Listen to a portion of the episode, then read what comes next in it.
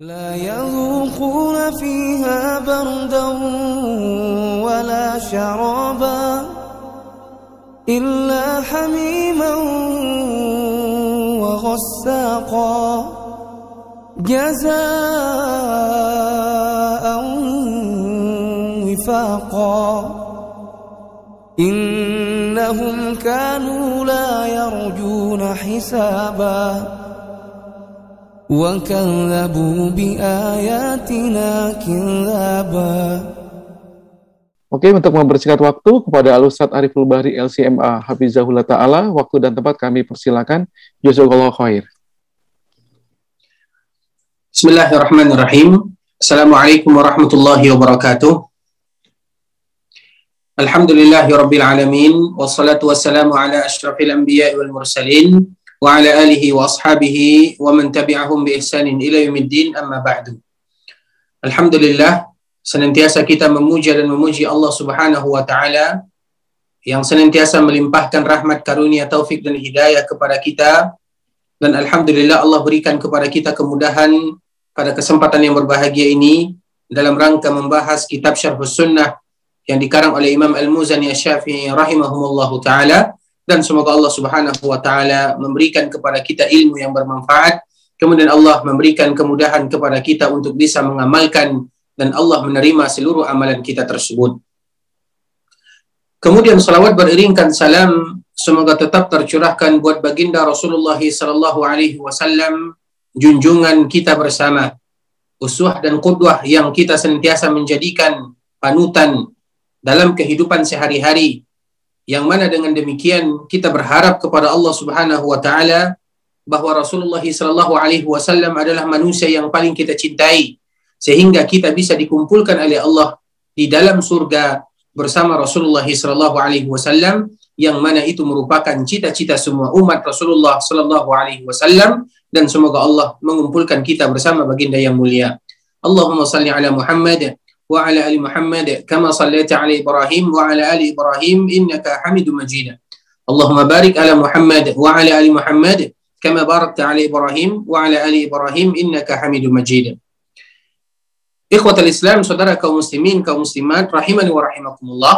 Sebelumnya kami mengucapkan jazakumullahu khairah kepada kita semua, terkhusus kepada sahabat ilmu Darmais, kemudian eh, kepada seluruhnya para dokter, profesor, deraksi dan eh, Bapak Ibu semuanya. Semoga Allah Subhanahu wa taala senantiasa memberikan kemudahan kepada kita untuk membahas apa yang atau membahas topik yang akan kita angkat pada kesempatan yang berbahagia ini yaitu topik tentang taat kepada penguasa. Karena memang taat kepada penguasa merupakan salah satu yang kadang-kadang sebahagian kaum muslimin bisa tergelincir di dalamnya. Dan ini merupakan bentuk keyakinan akidah ahlu sunnah wal jamaah mulai dari zaman sahabat Nabi Shallallahu Alaihi Wasallam bahkan Nabi Shallallahu Alaihi Wasallam. Kenapa kita mengatakan yang demikian? Karena Nabi Shallallahu Alaihi Wasallam sudah memberikan pesan yang sangat kuat, terutama kepada salah seorang sahabat yang bernama Huzaifah.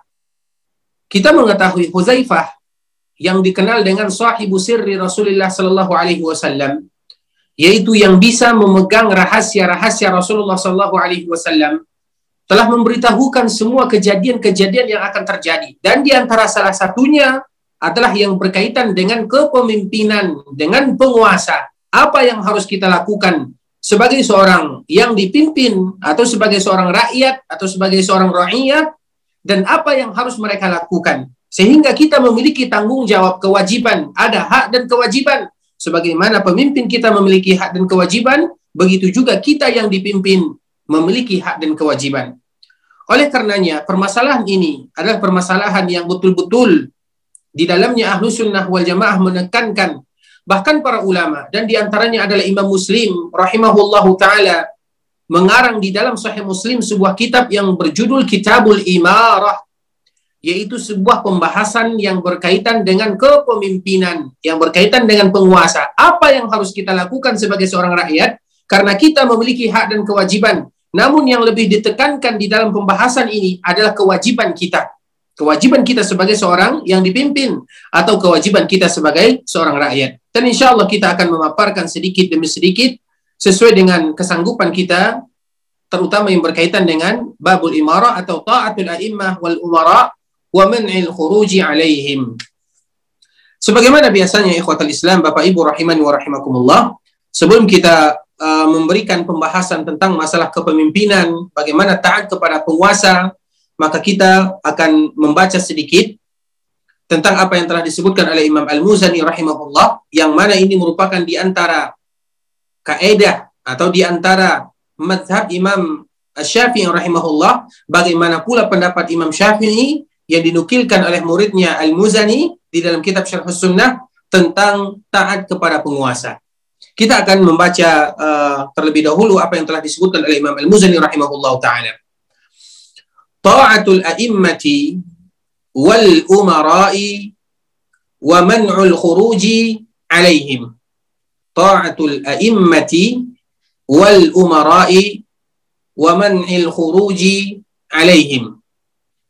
Artinya adalah yaitu taat kepada al-a'immah yaitu para penguasa, para pemimpin wal umara bisa juga para pemimpin dan para penguasa wa man'ul khuruji alaihim dan tidak boleh keluar dari mereka.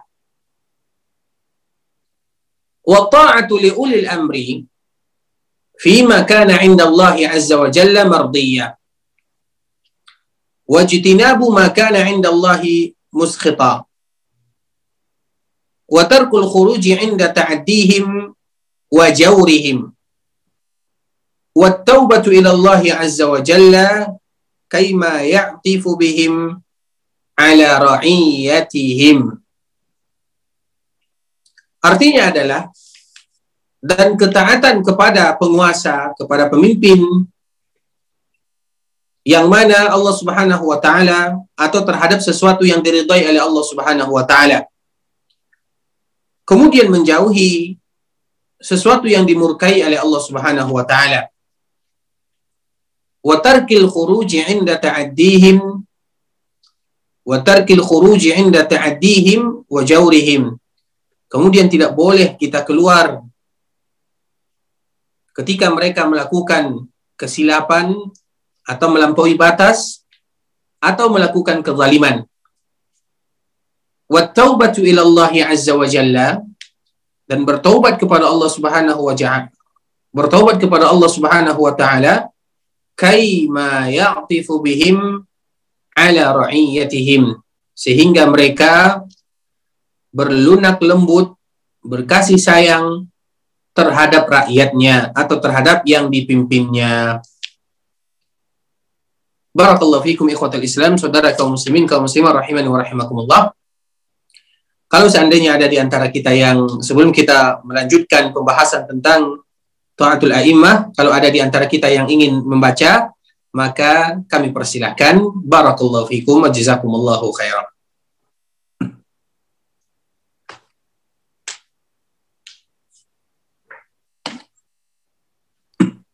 Uh, ya, uh, untuk uh, Chef Muhawan dari Cilogon, silakan.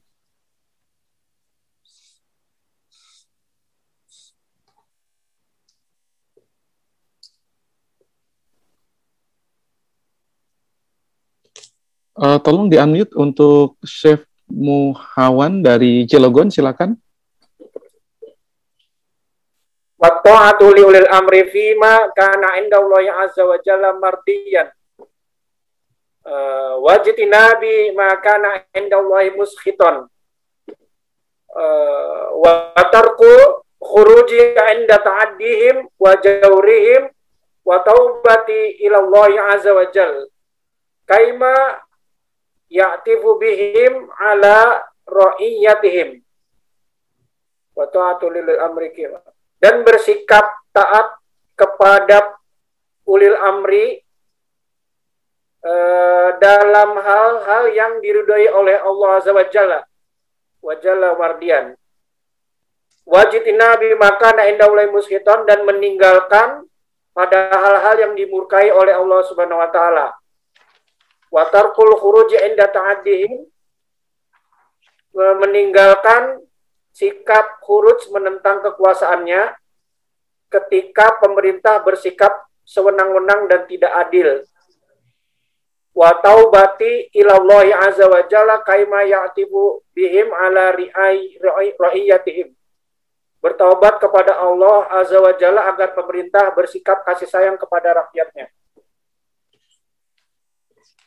Masya Allah, barakallahu fiikum, barakallahu fiikum, wa jazakumullahu khairan.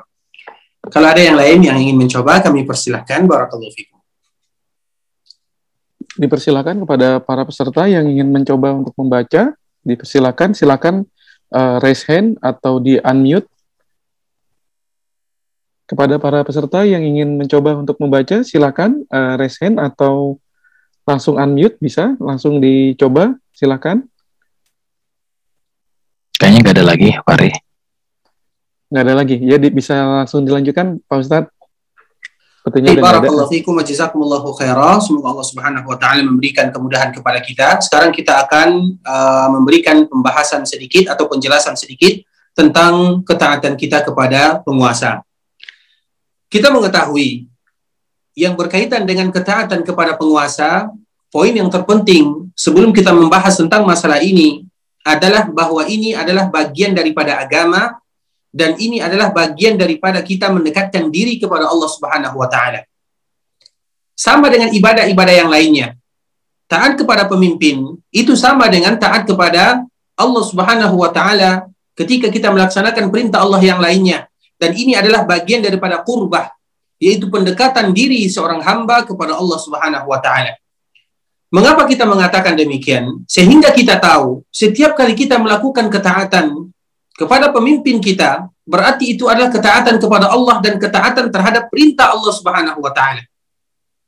Sama ketika kita melaksanakan ibadah salat, lima waktu sehari semalam kita melaksanakan ibadah salat, kemudian kita berpuasa di bulan Ramadan, kemudian kita mengeluarkan harta dari uang kita, mengeluarkan zakat dari harta kita, dan yang lainnya, itu adalah bagian daripada ketaatan kepada Allah Subhanahu wa taala dan bagian ibadah kepada Allah sebagaimana juga taat kepada pemimpin itu juga bagian daripada ketaatan kepada Allah Subhanahu wa taala. Jadi ketika ada seseorang yang taat kepada pemimpin, berarti mereka akan diberikan pahala oleh Allah Subhanahu wa taala karena itu adalah bagian daripada agama. Itu poin yang harus kita ketahui dan poin yang harus kita hadirkan dalam diri kita bahwa setiap kali kita taat kepada pemimpin kita, maka itu adalah ibadah yang dinilai pahala oleh Allah Subhanahu wa taala. Kemudian pemimpin. Kita mengetahui kepemimpinan kaum muslimin ikhwatal Islam kalau seandainya kita melihat sejarah setelah Rasulullah sallallahu alaihi wasallam yang mana Rasulullah sallallahu alaihi wasallam hidup selama 23 tahun menjadi nabi dan menjadi rasul. 13 tahun Nabi berdakwah di kota Mekah, kemudian 10 tahun lamanya Rasulullah sallallahu alaihi wasallam berdakwah di kota Madinah.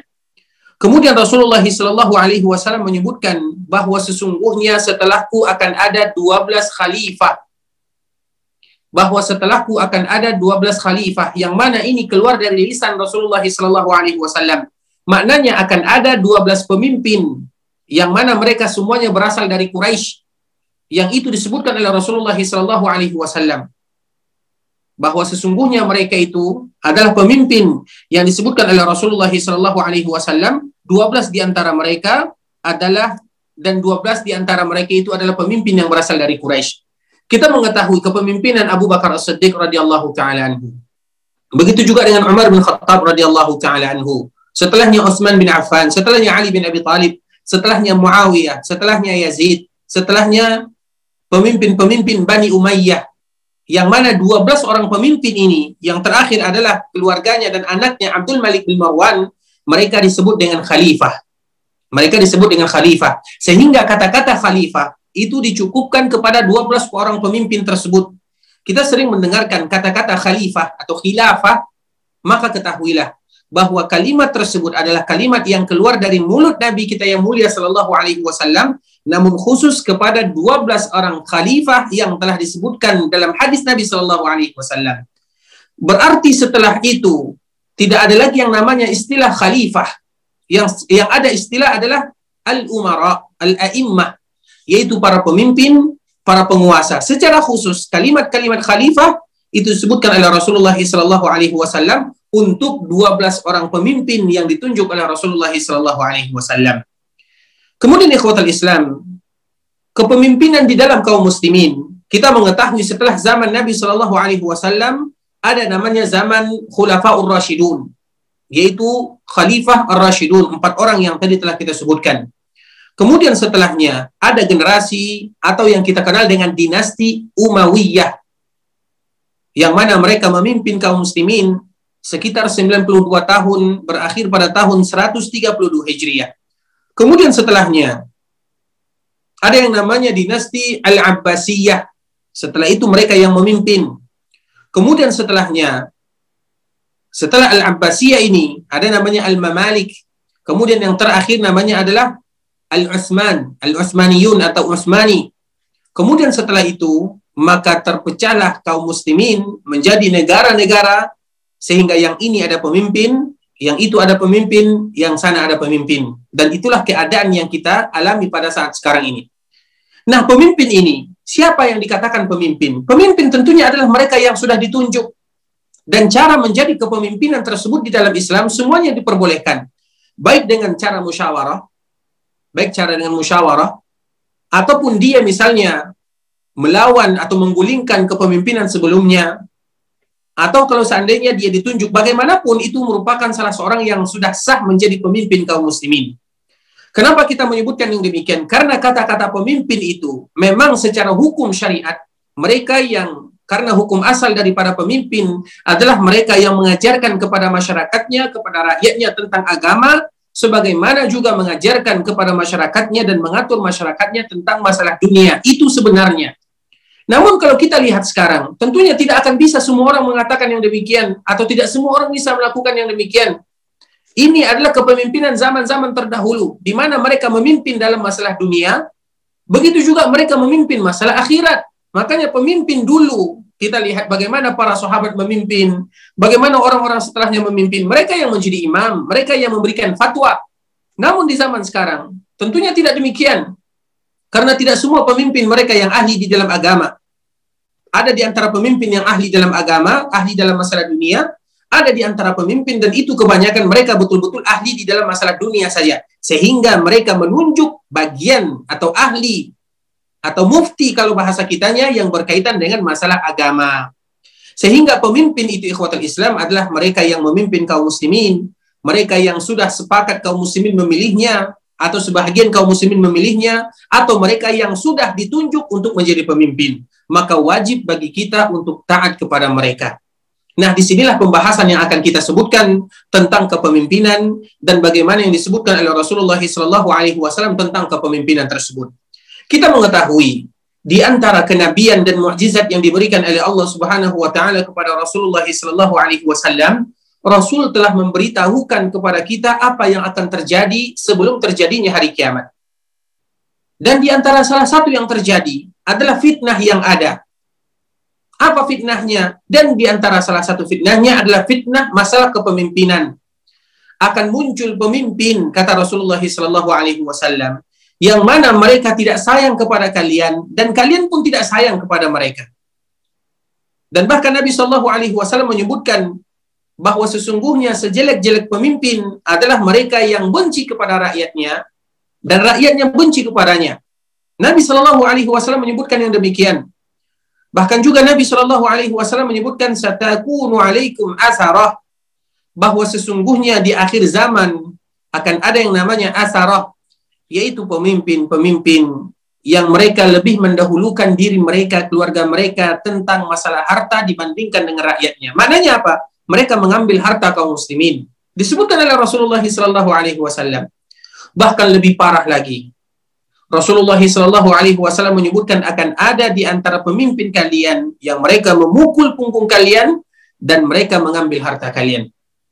Dan semua itu merupakan di antara hal yang disebutkan oleh Rasulullah SAW Alaihi Wasallam yang berkaitan dengan kepemimpinan yang akan muncul. Kapan munculnya kita tidak tahu kapan munculnya secara pasti.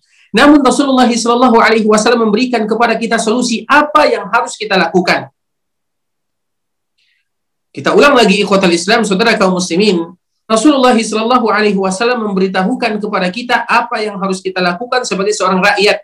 Karena ada kewajiban, ada hak Pemimpin ada kewajiban, ada hak.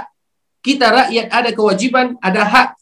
Nah, yang lebih ditekankan oleh Rasulullah sallallahu alaihi wasallam adalah bagaimana kita menyelesaikan dan melaksanakan hak kita, menunaikan hak kita kepada pemimpin kita. Sedangkan yang harus yang ditunjuk oleh Rasulullah wasallam atau yang disebutkan oleh Nabi adalah bagaimana kita menunaikan kewajiban kita sebagai seorang rakyat. Kita ulang lagi, yang lebih ditekankan oleh Rasulullah wasallam adalah bagaimana kita sebagai seorang rakyat menunaikan kewajiban kita terhadap pemimpin kita. Lantas bagaimana dengan hak kita? Maka Rasulullah sallallahu alaihi wasallam menyebutkan, kalau seandainya ada hak kalian yang tidak diberikan, atau kalau seandainya kalian terzalimi, maka minta kepada Allah Subhanahu wa taala hak tersebut. Kenapa demikian? Karena apabila kalian lebih mendahulukan hak kalian dibandingkan dengan kewajiban, maka di sanalah akan terjadi hal-hal yang membuat hati kalian sakit, membuat hal-hal yang mungkin bisa keluar dari manhaj ahlu sunnah wal jamaah ketika untuk menekankan ketika mereka menekankan bagaimana yang harus kita lakukan terhadap pemimpin yaitu dengarkan apa yang mereka sebutkan taati mereka apa yang mereka lakukan atau taati apa yang mereka perintahkan kepada kita selama itu bukan bentuk maksiat kepada Allah Subhanahu wa taala. Namun kalau seandainya itu adalah maksiat kepada Allah Subhanahu wa taala, maka jangan dengarkan, jangan taati, namun kita juga tidak boleh keluar daripada ketaatan kepada pemimpin tersebut. Nah, sekarang kita sebutkan apa yang disebutkan oleh Imam Al-Muzani rahimahullahu taala. Ta'atul a'immati wal umara'i wa man'il khuruji alaihim. Yaitu bagaimana kita taat kepada penguasa melakukan kewajiban kita sebagai seorang rakyat tidak boleh keluar daripada ketaatan tersebut. Dan kita harus ingat keluar dari pada ketaatan kepada pemimpin itu ada dengan berbagai macam cara. Ada mereka yang keluar tidak mau taat kepada pemimpinnya yaitu dengan perbuatan dengan kekuatan yang mereka miliki. Mereka tidak mau, saya tidak mau membaiat, saya tidak mengakui itu adalah pemimpin saya. Yaitu dengan kekuatan yang mereka miliki. Ada mereka yang keluar daripada pemimpin tersebut, yaitu dengan lisan. Mereka mengucapkan kata-kata ini bukan pemimpin kaum muslimin. Saya tidak mau membayar dia sebagai pemimpin kaum muslimin. Berarti dia sudah keluar dengan kata-katanya ada juga mereka yang keluar dengan hatinya atau dengan tulisannya. Mereka membuat karangan atau mereka membuat makalah, membuat tulisan, membuat buku, membuat apa saja.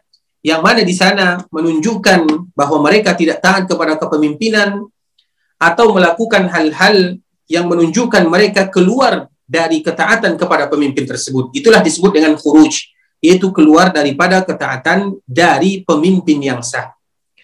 Apa kata Imam Al-Muzani rahimahullahu taala? Wa ta'atu li ulil amri fima kana 'inda Allah. Dan kewajiban kita sebagai ahlu sunnah wal jamaah adalah taat kepada pemimpin terhadap sesuatu yang diridhai oleh Allah Subhanahu wa taala atau yang sifatnya perkara mubah. Kita mengetahui alhamdulillah dan ini poin penting yang juga kita tidak melupakannya. Negara kita dan kita tekankan lagi. Negara kita Alhamdulillah adalah negara Islam. Pemimpin kita kaum muslimin, rakyat kita kebanyakannya adalah orang-orang Islam, sehingga kita bersyukur kepada Allah Subhanahu wa taala bahwa negara kita, rakyat kita, pemimpin kita, mereka adalah pemimpin kaum muslimin dan negara kita adalah negara Islam. Itu poin yang harus kita ketahui. Kenapa kita mengatakan yang demikian? Alhamdulillah, di negara kita diberikan kemudahan oleh Allah Subhanahu wa taala untuk menjalankan syariat Islam. Kenapa kita mengatakan bahwa negara kita adalah negara Islam? Kita lihat Islam memiliki rukun yang kita kenal dengan rukun Islam. Rukun Islam yang kita ketahui adalah syahadat. Alhamdulillah, kalau ada di antara mereka yang ingin masuk Islam dibimbing, bahkan dicatat, bahkan diberikan motivasi oleh pemerintah. Alhamdulillah. Kemudian yang kedua apa? Salat. Kita perhatikan masjid, betapa banyak masjid yang ada di negara kita. Alhamdulillah. Salat dilakukan, azan dikumandangkan. Dan itu adalah kita bentuk bahwa negara kita adalah negara kaum muslimin. Kemudian begitu juga dengan dengan dengan puasa. Kita lihat puasa, bagaimana pemerintah mereka melakukan ru'yah, bagaimana mereka menetapkan Ramadan, perjuangan mereka. Alhamdulillah. Kemudian kita lihat, lihat lagi yang namanya zakat zakat, ada baitul mal, ada yang namanya Basnas yaitu Badan Nasional tentang berkaitan dengan zakat. begitu juga dengan ibadah haji, semuanya dibantu oleh pemerintah kita, bahkan mereka yang memberikan support, walaupun ada kekurangan di sana dan di sini, namun kita jelaskan bahwa negara kita alhamdulillah dan kita senantiasa bermohon kepada Allah Subhanahu wa taala bahwa negara kita adalah negara Islam, pemimpin kita adalah pemimpin kaum muslimin yang mana kewajiban kita adalah senantiasa saling mendoakan. Kita sebagai seorang rakyat mendoakan pemimpin sebagaimana pemimpin kita juga mendoakan kita. Memang ada sebahagian hukum-hukum Islam yang mungkin tidak diterapkan di negara kita. Namun dengan tidak diterapkan hukum tersebut bukan berarti negara kita negara yang bukan muslim tidak. Makanya hati-hati dengan kalimat-kalimat yang mengatakan pemerintah adalah pemerintah taut, pemerintah yang ini, pemerintah itu tidak. Alhamdulillah kita bersyukur kepada Allah Subhanahu wa taala bahwa negara kita adalah negara Islam, pemimpin kita adalah pemimpin kaum muslimin dan kita berdoa kepada Allah Subhanahu wa taala agar Allah senantiasa menjaga kita, menjaga pemimpin kita, menjaga negara kita, dan menjaga seluruh kaum muslimin. Dan kita juga melihat, apabila kita sudah mengetahui bahwa negara kita adalah negara Islam secara khusus, tentunya kita harus melakukan apa yang dianjurkan oleh pemerintah yang mana itu merupakan sesuatu yang keluar daripada agama. Maknanya apa? kita sudah jelas. Alhamdulillah pemerintah kita memberikan dukungan kepada kita untuk melaksanakan syariat Islam. Namun ada hal-hal yang berkaitan dengan masalah dunia yang mana kita wajib taat di sana. Seperti misalnya dalam pengaturan kehidupan sehari-hari, semuanya kita harus taat. Sehingga Imam Al-Muzani menyebutkan wa ta'atu li ulil amri fi ma kana 'inda Allah mardiyah. Sesuatu yang tidak bertentangan dengan hukum-hukum Allah Subhanahu wa taala, maka kita harus taat kepadanya. Wajitinabu makanya Allah muskita. Kalau seandainya itu sesuatu yang dimurkai oleh Allah Subhanahu wa taala, maka kita tidak mesti taat. Namun bukan berarti kita tidak taat, tidak melakukan apa yang diperintahkan oleh pemimpin tersebut bukan berarti kita keluar dari mereka. Apa contohnya misalnya? Misalnya pemimpin kita memerintahkan kita untuk meninggalkan sholat, maka kita tidak boleh taat. Dan Alhamdulillah ini tidak pernah terjadi di daerah kita. Atau misalnya pemimpin kita menghalalkan minuman keras misalnya. Alhamdulillah pemimpin kita tidak menyuruh kita untuk menghalalkan minuman keras. Alhamdulillah kita bersyukur kepada Allah Subhanahu wa taala. Namun kalau seandainya mereka memerintahkan rakyatnya dan ini tidak akan terjadi dan semoga tidak akan terjadi, maka tidak boleh taat di sana. Karena ini sesuatu yang bertentangan dengan syariat Allah Subhanahu wa taala. Wa tarkul khuruji 'inda ta'addihim wa jawrihim. Dan ini adalah poin juga yang terpenting, tidak boleh kita keluar ketika mereka melakukan kezaliman. Tidak boleh kita keluar ketika mereka melakukan kesalahan. Maknanya apa? Kita tahu pemimpin itu adalah manusia biasa. Mereka benar, sebagaimana mereka juga salah. Sama dengan kita. Kita benar, sebagaimana kita juga salah. Dan itulah manusia. Manusia itu benar, dan juga mereka kadang-kadang melakukan kesalahan. Bahkan Allah sendiri yang menyebutkan di dalam hadis qudsi. Apa kata Allah Subhanahu wa taala? Ya ibn Adam, innakum tukhti'una bil-laili wan-nahar wa ana aghfiru dzunuba fastaghfiruni aghfir lakum. Wahai anak Adam, sesungguhnya kalian melakukan kesalahan siang dan malam dan aku yang mengampunkan dosa kalian. Maknanya apa? Kita sebagai manusia adalah yang tidak akan pernah luput dari kesalahan.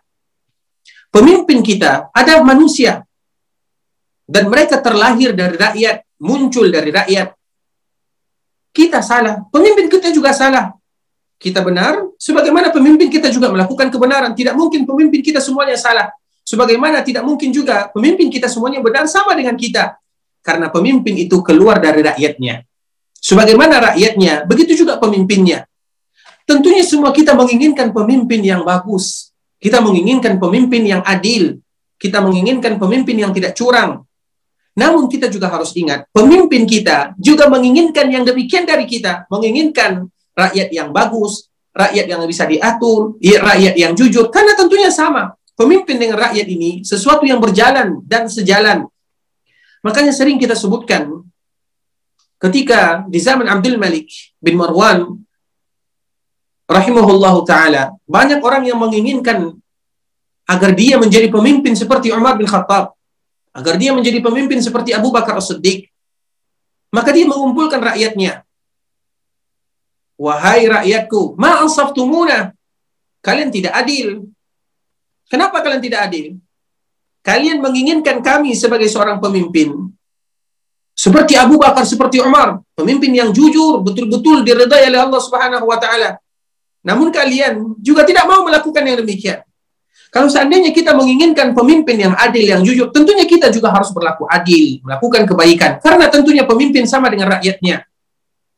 Sebagaimana juga Ali bin Abi Thalib radhiyallahu taala ketika dia yang memimpin dan sudah mulai banyak permasalahan di zamannya, maka ada orang yang datang kepada Ali bin Abi Thalib dengan sombong dia mengatakan, "Wahai Ali, mengapa di zamanmu ini adalah zaman yang penuh dengan fitnah? Zaman yang penuh dengan cobaan dan ujian, tidak sama dengan zaman Abu Bakar dan zaman Umar. Apa kata Ali bin Abi Thalib radhiyallahu taala anhu? Mudah bagi Ali untuk menjawabnya. Di zaman Abu Bakar dan Umar, kata Ali bin Abi Thalib, di zaman mereka ini yang menjadi rakyatnya adalah orang-orang sepertiku. Sedangkan di zamanku ini yang menjadi rakyatnya adalah orang-orang seperti ente. Karena Masalah kepemimpinan itu ikhwatul Islam tentunya adil. Sebagaimana pemimpin, begitu juga rakyatnya. Rakyat menginginkan pemimpin yang bagus, yang baik. Sebagaimana pemimpin juga menginginkan rakyat yang bagus, yang baik, yang jujur. Dan tentunya akan sejalan antara pemimpin dengan rakyat tersebut. Oleh karenanya apabila terjadi kezaliman yang dilakukan oleh pemimpin, apa yang harus kita lakukan? Dan ini adalah kewajiban. Tentunya tidak ada pemimpin yang tidak melakukan kesalahan. Ketika mereka melakukan kezaliman, apa yang harus kita lakukan? Maka di sinilah akidah yang harus kita tanamkan ikhwatul Islam. Di dalam syariat Islam ada yang namanya bab yang sangat besar, yaitu babun nasihat. Yaitu saling memberikan nasihat kepada kaum muslimin. Dan di antara salah satunya adalah memberikan nasihat kepada pemimpin. Sebagaimana hadis ini adalah hadis yang dibawakan oleh Imam An-Nawawi rahimahullah taala di dalam kitab Al-Arba'in An-Nawawiyah An-Nasihah kulna liman lillahi wa li kitab wa li rasulihi wa li kitabihi wa li a'immatil muslimina wa ammatihim yaitu saling memberikan nasihat karena Allah baik kepada kepada pemimpin, kepada masyarakat, kepada semua orang yaitu saling memberikan nasihat. Kalau seandainya ada pemimpin yang melakukan kesalahan, maka kewajiban kita adalah memberikan nasihat. Bahkan Rasulullah Shallallahu Alaihi Wasallam menyebutkan di antara salah satu jihad yang paling bagus adalah memberikan nasihat. Tapi kapan dan bagaimana bentuknya? Inda sultanin jair. Rasulullah Shallallahu Alaihi Wasallam menyebutkan yaitu memberikan nasihat inda sultanin jair di samping atau di sisi penguasa yang melakukan kezaliman. Kita, kita lihat lagi sabda Nabi Shallallahu Alaihi Wasallam inda sultanin jair, yaitu di sisi pemimpin yang melakukan kezaliman tersebut, bukan di belakangnya. Bukan harus kita sebarkan aibnya. Namun kalau seandainya kita melihat mereka melakukan kezaliman, kecurangan, dan ketidakadilan, kita sebutkan kepada mereka. Tentunya poin pertama, mereka yang menyebutkan ini bukan orang biasa, yaitu orang yang mungkin didengarkan ucapannya, orang yang dikenal oleh pemimpin tersebut, atau mereka yang memiliki pengetahuan mereka yang memiliki ucapan yang bisa didengarkan oleh orang lain. Karena tidak sembarangan orang yang bisa memberikan nasihat kepada pemimpin. Kita juga harus melihat siapa yang memberikan nasihat. Kemudian yang kedua, dalam memberikan nasihat kepada pemimpin, sebagaimana yang disebutkan oleh Rasulullah SAW, kalau seandainya pemimpin kalian melakukan kezaliman, melakukan kecurangan, melakukan ketidakadilan, ambil tangan mereka. Kemudian sebutkan kepada mereka apa yang mereka lakukan. Nah, berikan kepada mereka nasihat. Dan jangan diumumkan atau jangan disebutkan kesalahan yang telah mereka sebutkan tersebut. Dan ini sama dengan kita. Coba kita sebagai seorang rakyat biasa. Misalnya kita kepala keluarga, kita sebagai orang tua, atau kita sebagai pemimpin masyarakat RT atau RW. Ketika ada orang yang datang ke rumah kita, kemudian mereka bertamu, dan mereka menyebutkan ternyata kita pernah melakukan kesalahan, mudah bagi kita untuk menerimanya. Karena kita bercerita berdua-duaan tanpa ada satupun yang mengetahui. Walaupun tidak diterima, namun kemungkinan diterima ada. Begitu juga dengan pemimpin kita, ketika kita menyebutkan kalau seandainya mereka melakukan kesalahan, mudah bagi mereka untuk menerimanya. Karena itu adalah betul bentuk-bentuk orang yang betul-betul ikhlas memberikan nasihat. Namun coba misalnya, ketika misalnya pemimpin kita melakukan kesalahan, kemudian kita membawa rombongan yang banyak, pemimpin kita melakukan ini, melakukan itu, melakukan ini, melakukan itu. Maka betullah yang disebutkan oleh Imam Ash-Syafi'i rahimahullahu taala. Imam Ash-Syafi'i pernah menyebutkan kalau seandainya aku melakukan kesalahan dan ini perkataan Imam Syafi'i, kalau seandainya aku melakukan kesalahan, fansahni bin firad, maka berikan nasihat kepadaku secara sendiri-sendiri. Maknanya apa? Secara sembunyi-sembunyi. Sebutkan kepadaku kesalahan tersebut. Namun jangan sebarkan kepada orang lain kesalahan tersebut. Karena manusia mana yang suka aibnya, kesalahannya, kezalimannya, perbuatannya disebarluaskan? Tidak ada. Kita saja tidak mau. Kalau seandainya kita melakukan kesalahan. Tentunya kita tidak sudi kalau seandainya kesalahan kita tersebut disebarluaskan. Tidak mungkin ada di antara kita yang menerima. Begitu juga dengan pemimpin. Tidak mungkin mereka bisa menerima begitu saja kalau seandainya kesalahannya disebutkan di depan orang banyak, diumumkan di televisi, disebarkan di koran, di majalah. Tidak mungkin demikian. Dan itu bukan sunnah Nabi Shallallahu Alaihi Wasallam dalam menghadapi mereka. Apa kata Imam Ash-Syafi'i rahimahullah ta'ala? Inna nusha bainal jama'ati min at-tawbih la arda Karena sesungguhnya memberikan nasihat namun di depan orang banyak maka itu bukanlah nasihat. Tapi itu lebih condong kepada menjelek-jelekan, yaitu at-taubih, mengolok-ngolok. Dan itu bukan bagian daripada agama yang telah disebutkan oleh para ulama dan di antaranya disebutkan oleh Imam Syafi'i rahimahullah taala sebagaimana juga telah disebutkan oleh uh, Imam Al-Muzani muridnya Imam Syafi'i rahimahullah taala. Jadi beginilah cara kita kalau seandainya mereka melakukan kesalahan atau mereka melakukan dosa. Kemudian ikhwatul Islam, kita lanjutkan apa yang telah disebutkan oleh Rasulullah Sallallahu Alaihi Wasallam ketika mereka melakukan kesalahan atau mereka melakukan kezaliman atau mereka mencurangi atau mereka mengambil hak kita. Apa kata Rasulullah Sallallahu Alaihi Wasallam? Kalau seandainya mereka melakukan kesalahan, ambil tangannya, bercerita dengannya. Kemudian kalau seandainya mereka menerima apa yang telah kita sebutkan, itu yang kita harapkan. Alhamdulillah kita bersyukur kepada Allah Subhanahu wa taala. Namun kalau seandainya kita sudah menyebutkan kepada mereka, kita berikan kepada mereka masukan, kemudian mereka tidak menerima, mereka tidak mau menerima masukan tersebut, maka kita sudah selesai melakukan kewajiban kita sebagai seorang rakyat. Selesai kewajiban kita. Dan itulah amar ma'ruf nahi mungkar. Karena itu tidak bisa kita paksakan. Kalau seandainya ada imam, ada pemimpin melakukan kesalahan, kemudian dia tidak mau meninggalkan kesalahannya, sama kadang-kadang sebagian manusia begitu saja. Ada di antara kita yang kadang-kadang melakukan kesalahan, kemudian kita diberikan nasihat, kita juga tidak mau meninggalkannya. Sama pemimpin kita begitu juga, sebagaimana kita rakyat begitu juga. Kenapa masalah pemimpin ini sangat betul-betul ditekankan? Karena melihat kewibawaan mereka, menjaga kehormatan mereka. Sehingga Rasulullah Shallallahu Alaihi Wasallam memberikan hak karena tidak mungkin seorang pemimpin disamakan levelnya dengan yang lain. Ini adalah pemimpin kaum muslimin.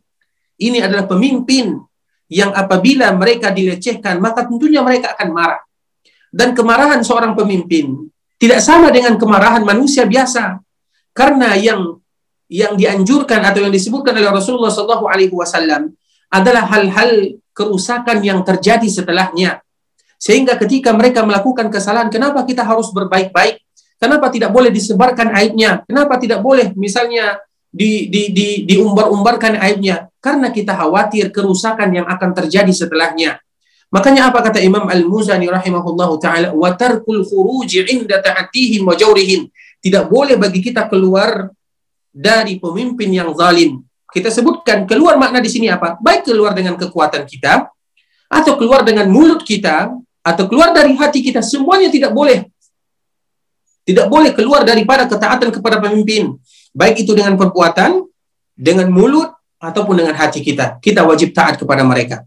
Nah, wajib taat ini bukan berarti kita ridho dengan kesalahannya. Ini juga poin yang harus kita ketahui. Ketika pemimpin kita melakukan kezaliman, betul-betul melakukan kezaliman, dan melampaui batas misalnya, maka kita tidak boleh keluar. Nah, ketika kita tidak boleh keluar, maka bukan berarti kita ridho kepada mereka. Bukan. Setelah kita melakukan kewajiban kita sebagai seorang rakyat, namun mereka tetap melakukan kezaliman, kecurangan, penindasan misalnya, karena ada hal-hal yang dikhawatirkan terjadi setelahnya. Ada hal-hal kerusakan yang ditimbulkan setelahnya. Maka itulah yang dilihat oleh Rasulullah wasallam dan tentunya Rasulullah berbicara tentang wahyu. Kitabul Imarah. Kitab yang berkaitan atau yang membahas tentang kepemimpinan. Hadis-hadis yang ada di sana adalah hadis-hadis yang betul-betul harus ditekankan kepada kaum muslimin untuk mereka membacanya. Makanya Rasulullah sallallahu alaihi wasallam menyebutkan alaikum as-sam'a bis-sam'i wa ta'ah fil makrah wal mansyata. Hendaklah kalian dengarkan pemimpin kalian. Hendaklah kalian taati pemimpin kalian baik ketika kalian suka ataupun ketika kalian tidak suka. Kenapa demikian?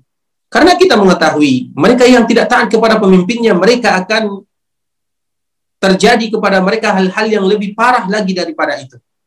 Kita ingat dan kita sebutkan bukan berarti dengan kezaliman yang mereka lakukan kita ridho kepada mereka bukan sama sekali. Namun ada hal-hal yang dipertimbangkan maslahat dengan mafsadat yang lebih besar karena seorang pemimpin tidak sama dengan rakyat dan tidak sama dengan manusia biasa. Mereka memiliki kekuasaan, mereka juga memiliki kekuatan. Namun lakukan kewajiban kita dengan mengatakan perkataan-perkataan yang bagus, memberikan nasihat-nasihat yang indah. Kita lihat Allah Subhanahu wa taala menyebutkan kepada Nabi Musa alaihi salam, manusia yang terbaik, nabi ulil azmi. Allah mengutusnya kepada manusia yang paling kejam, manusia yang paling jahat yaitu Firaun. Bahkan Allah menyebutkan Firaun itu tagha. Firaun itu adalah sesuatu yang sudah melakukan pelampauan batas. Apa kata Allah Subhanahu wa taala? Kepada manusia yang paling bagus, terhadap manusia yang paling jahat di permukaan bumi. Bahkan dia mengatakan dirinya adalah Tuhan. Idhaba ila fir'auna innahu tagha. Wahai kamu Musa wahai kamu Harun pergilah kalian berdua kepada Fir'aun karena dia sudah tagha. Dia sudah melakukan pelampauan batas. Kemudian apa yang diperintahkan oleh Allah Subhanahu wa taala? Faqula lahu qawlan layyina la'allahu yatazakkar aw yakhsha. Ketika kalian sampai kepada mereka dan kita lihat Nabi Musa dan Harun dua orang nabi yang diutus oleh Allah Subhanahu wa taala. Ketika kalian sampai kepada Firaun yang tadi mengatakan dirinya adalah Tuhan manusia yang paling jahat di permukaan bumi ini apa kata Allah? Faqula lahu qawlan layyina. Ketika kalian sampai katakanlah perkataan yang baik-baik katakan perkataan yang lemah lembut karena tujuannya apa? Tujuan kita memberikan nasihat apa? Agar mereka bisa ingat, agar mereka kembali sadar. La'allahu yatazakkar aw yakhsha. Sebagaimana yang Allah sebutkan, mudah-mudahan dengan kalian memberikan nasihat, bercerita empat mata, mengirimkan surat, mudah-mudahan dia kembali ingat, dia kembali sadar, dia kembali takut kepada Allah Subhanahu wa taala. Itu yang kita inginkan. Bukan berarti ketika kita memberikan nasihat kepada pemimpin memperlihatkan bahwa kita ini adalah orang yang benar, pemimpin kita salah. Kerusakan yang akan timbul dari hal-hal demikian, kerusakan yang lebih banyak yang akan muncul. Oleh karenanya ikhwatul Islam dalam masa taatul ulil amri, taat kepada penguasa, terutama ketika mereka melakukan kesalahan, itu harus hati-hati di sana. Bukan berarti kita ridho dengan kesalahan yang mereka lakukan, tidak sama sekali. Namun ada hal-hal kerusakan yang terjadi kalau seandainya kita keluar baik itu dengan kekuatan ataupun dengan mulut kita, dengan lisan kita ataupun dengan hati kita. Kemudian apa kita, kata Imam Al-Buzani rahimahullah? Imam Al-Buzani melanjutkan wa taubatu ila Allah azza wa jal di antara salah satu solusi. Di antara salah satu solusi ketika terjadi kezaliman yang dilakukan oleh pemerintah apa? Yaitu bertaubat kepada Allah. Siapa yang bertaubat kepada Allah? Kita sebagai seorang rakyat bertobat kepada Allah Subhanahu wa taala, berdoa kepada Allah Subhanahu wa taala. Makanya kalau seandainya kita melihat bagaimana para ulama salaf, mereka betul-betul mendoakan pemimpin mereka. Bahkan Sufyan, Imam Ahmad mengatakan kalau seandainya aku memiliki doa yang dikabulkan, misalnya Allah mengatakan kepada kita wahai fulan, aku berikan kepadamu satu permintaan yang pasti akan aku kabulkan. Apa yang kita minta kepada Allah Subhanahu wa taala? Para ulama mengatakan kalau seandainya Allah mengatakan demikian kepada diriku, maka yang aku minta kepada Allah adalah diberikan kebaikan kepada pemimpin. Kenapa? Karena apabila pemimpin baik, semuanya akan baik. Namun kalau seandainya pemimpin buruk, maka semuanya akan mendapatkan dampak daripada keburukan tersebut. Sehingga apa solusinya yang harus kita lakukan sebagai seorang rakyat? Kita tidak boleh keluar, baik itu dengan tenaga, baik itu dengan lisan, baik itu dengan tulisan, baik dengan hati kita, namun kita harus mendoakan mereka dan kita bertobat kepada Allah Subhanahu wa taala. Mudah bagi Allah Subhanahu wa taala membolak-balikan hati seorang hamba. Ketika kita bermohon dan betul-betul meminta kepada Allah, Ya Allah, ampunkan pemimpin kami, dosa pemimpin kami, mudahkan urusan mereka, kembalikan mereka kepada kebenaran dan kebaikan. Itu yang harus kita lakukan. Bahkan di antara salah satu mazhab ahlu sunnah wal jamaah, setiap kali mereka melakukan khutbah, terutama khutbah Jumat, yang mana pada khutbah kedua ada doa di sana. Maka di antara ciri-ciri ahlu sunnah wal jamaah adalah setiap kali mereka berkhutbah mendoakan pemimpin Pernahkah kita mendengarkan di negara kita secara khusus mana yang lebih banyak mereka mendoakan pemimpin, mendoakan kebaikan atau mendoakan kecelakaan? Kita yang senantiasa kita bahas adalah kesalahan pemimpin. Namun kadang-kadang kita lupa apa yang harus kita lakukan, kewajiban yang harus kita lakukan sebagai seorang rakyat. Makanya di antara kewajiban yang harus kita lakukan adalah mendoakan pemimpin kita, terutama di mimbar-mimbar kaum muslimin, apalagi pada hari Jumat, di waktu khutbah kedua maka di sana harus diselipkan doa Allahumma aslih a'immatana wa wulata umurina ya Allah perbaiki berikan kebaikan berikan keberkahan terhadap pemimpin-pemimpin kami. Itu yang harus dibaca oleh seluruh khatib yang ada di masjid-masjid kaum muslimin. Wa taubatu ila Allah azza wa jalla. Yaitu kita berdoa kepada Allah dan bertobat kepada Allah Subhanahu wa taala. Kenapa? Kaima ya'tifu bihim ala ra'iyatihim. Sehingga para pemimpin tersebut mereka sayang kepada rakyatnya. Mereka cinta kepada rakyatnya apabila mereka sudah cinta kepada rakyatnya maka tentunya rakyat pun akan cinta kepada mereka. Apabila sudah datang atau sudah tertanamkan di dalam diri mereka saling mencintai karena Allah Subhanahu wa taala rakyat mencintai pemimpin pemimpin mencintai rakyat maka akan terjadilah baldatun tayyibatun warabbun ghafur yaitu sebuah daerah yang baik yang diridai oleh Allah Subhanahu wa taala yang mana kita juga berharap dari itu semua Allah Subhanahu wa taala ampunkan kesalahan kita bersama. Ikhwatul Islam, saudara kaum muslimin, kaum muslimat, ikhwani akhwati rahimani wa rahimakumullah. Uh, sebelum kita menutup uh, pembahasan kita tentang masalah kepada kepemimpinan, kita mengetahui ada sebuah simbol kelompok yang namanya adalah Al-Khawarij. Ada sebuah simbol kelompok yang namanya adalah Al-Khawarij.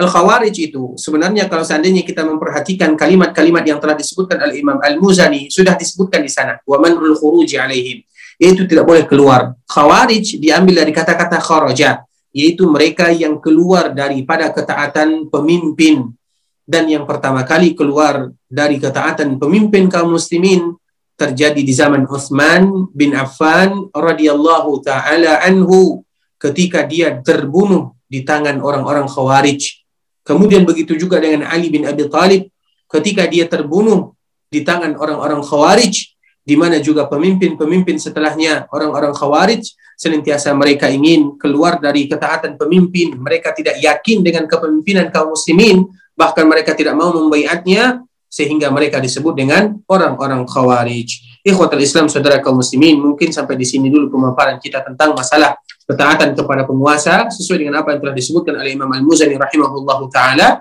Sekarang kita akan membuka sesi tanya jawab. Kalau seandainya ada yang ingin bertanya, kami persilahkan. Barakallahu fiikum wa jazakumullahu khairan.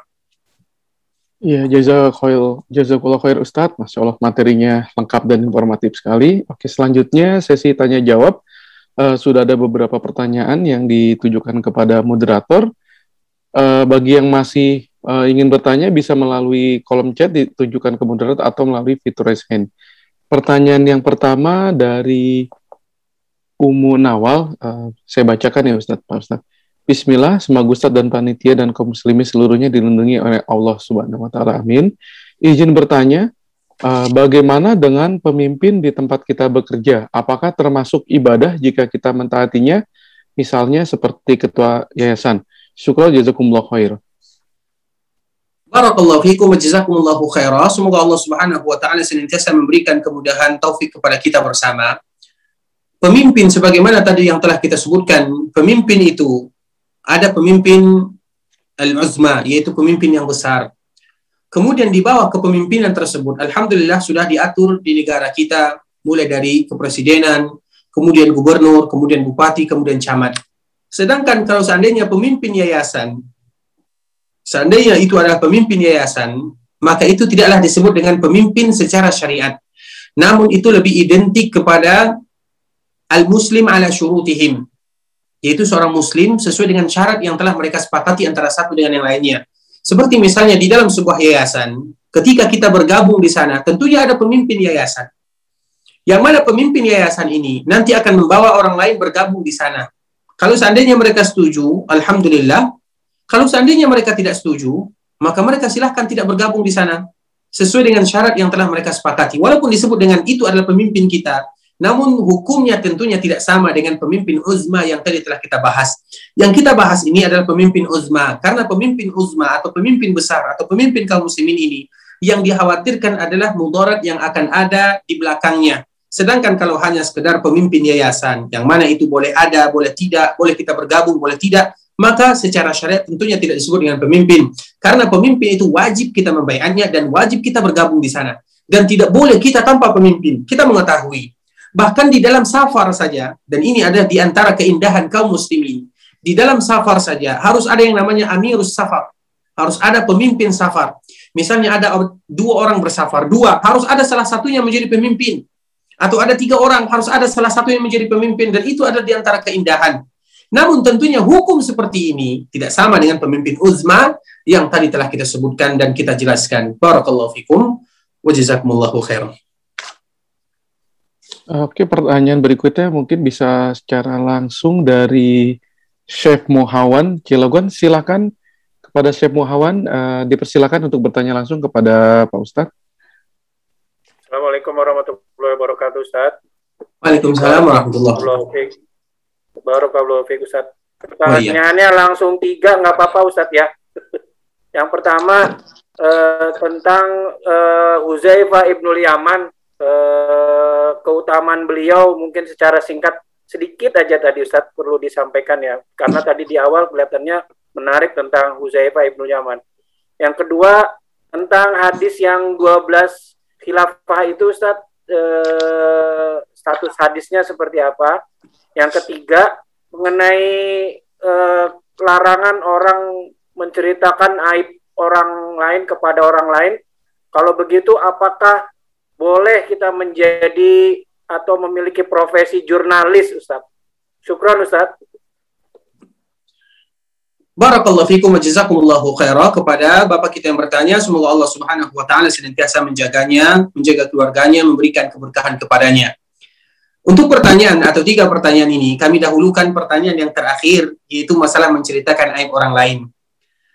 Kita mengetahui, Alhamdulillah, terutama masalah pekerjaan jurnalis atau yang membuat berita atau yang menulis berita, maka Alhamdulillah masih banyak berita-berita yang bisa membahagiakan kaum muslimin masih banyak berita-berita yang di sana bukan berarti menceritakan aib saudara kita. Alhamdulillah.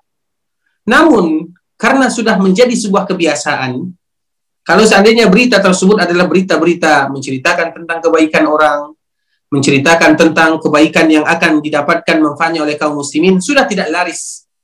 Sudah tidak laku kalau bahasa kitanya.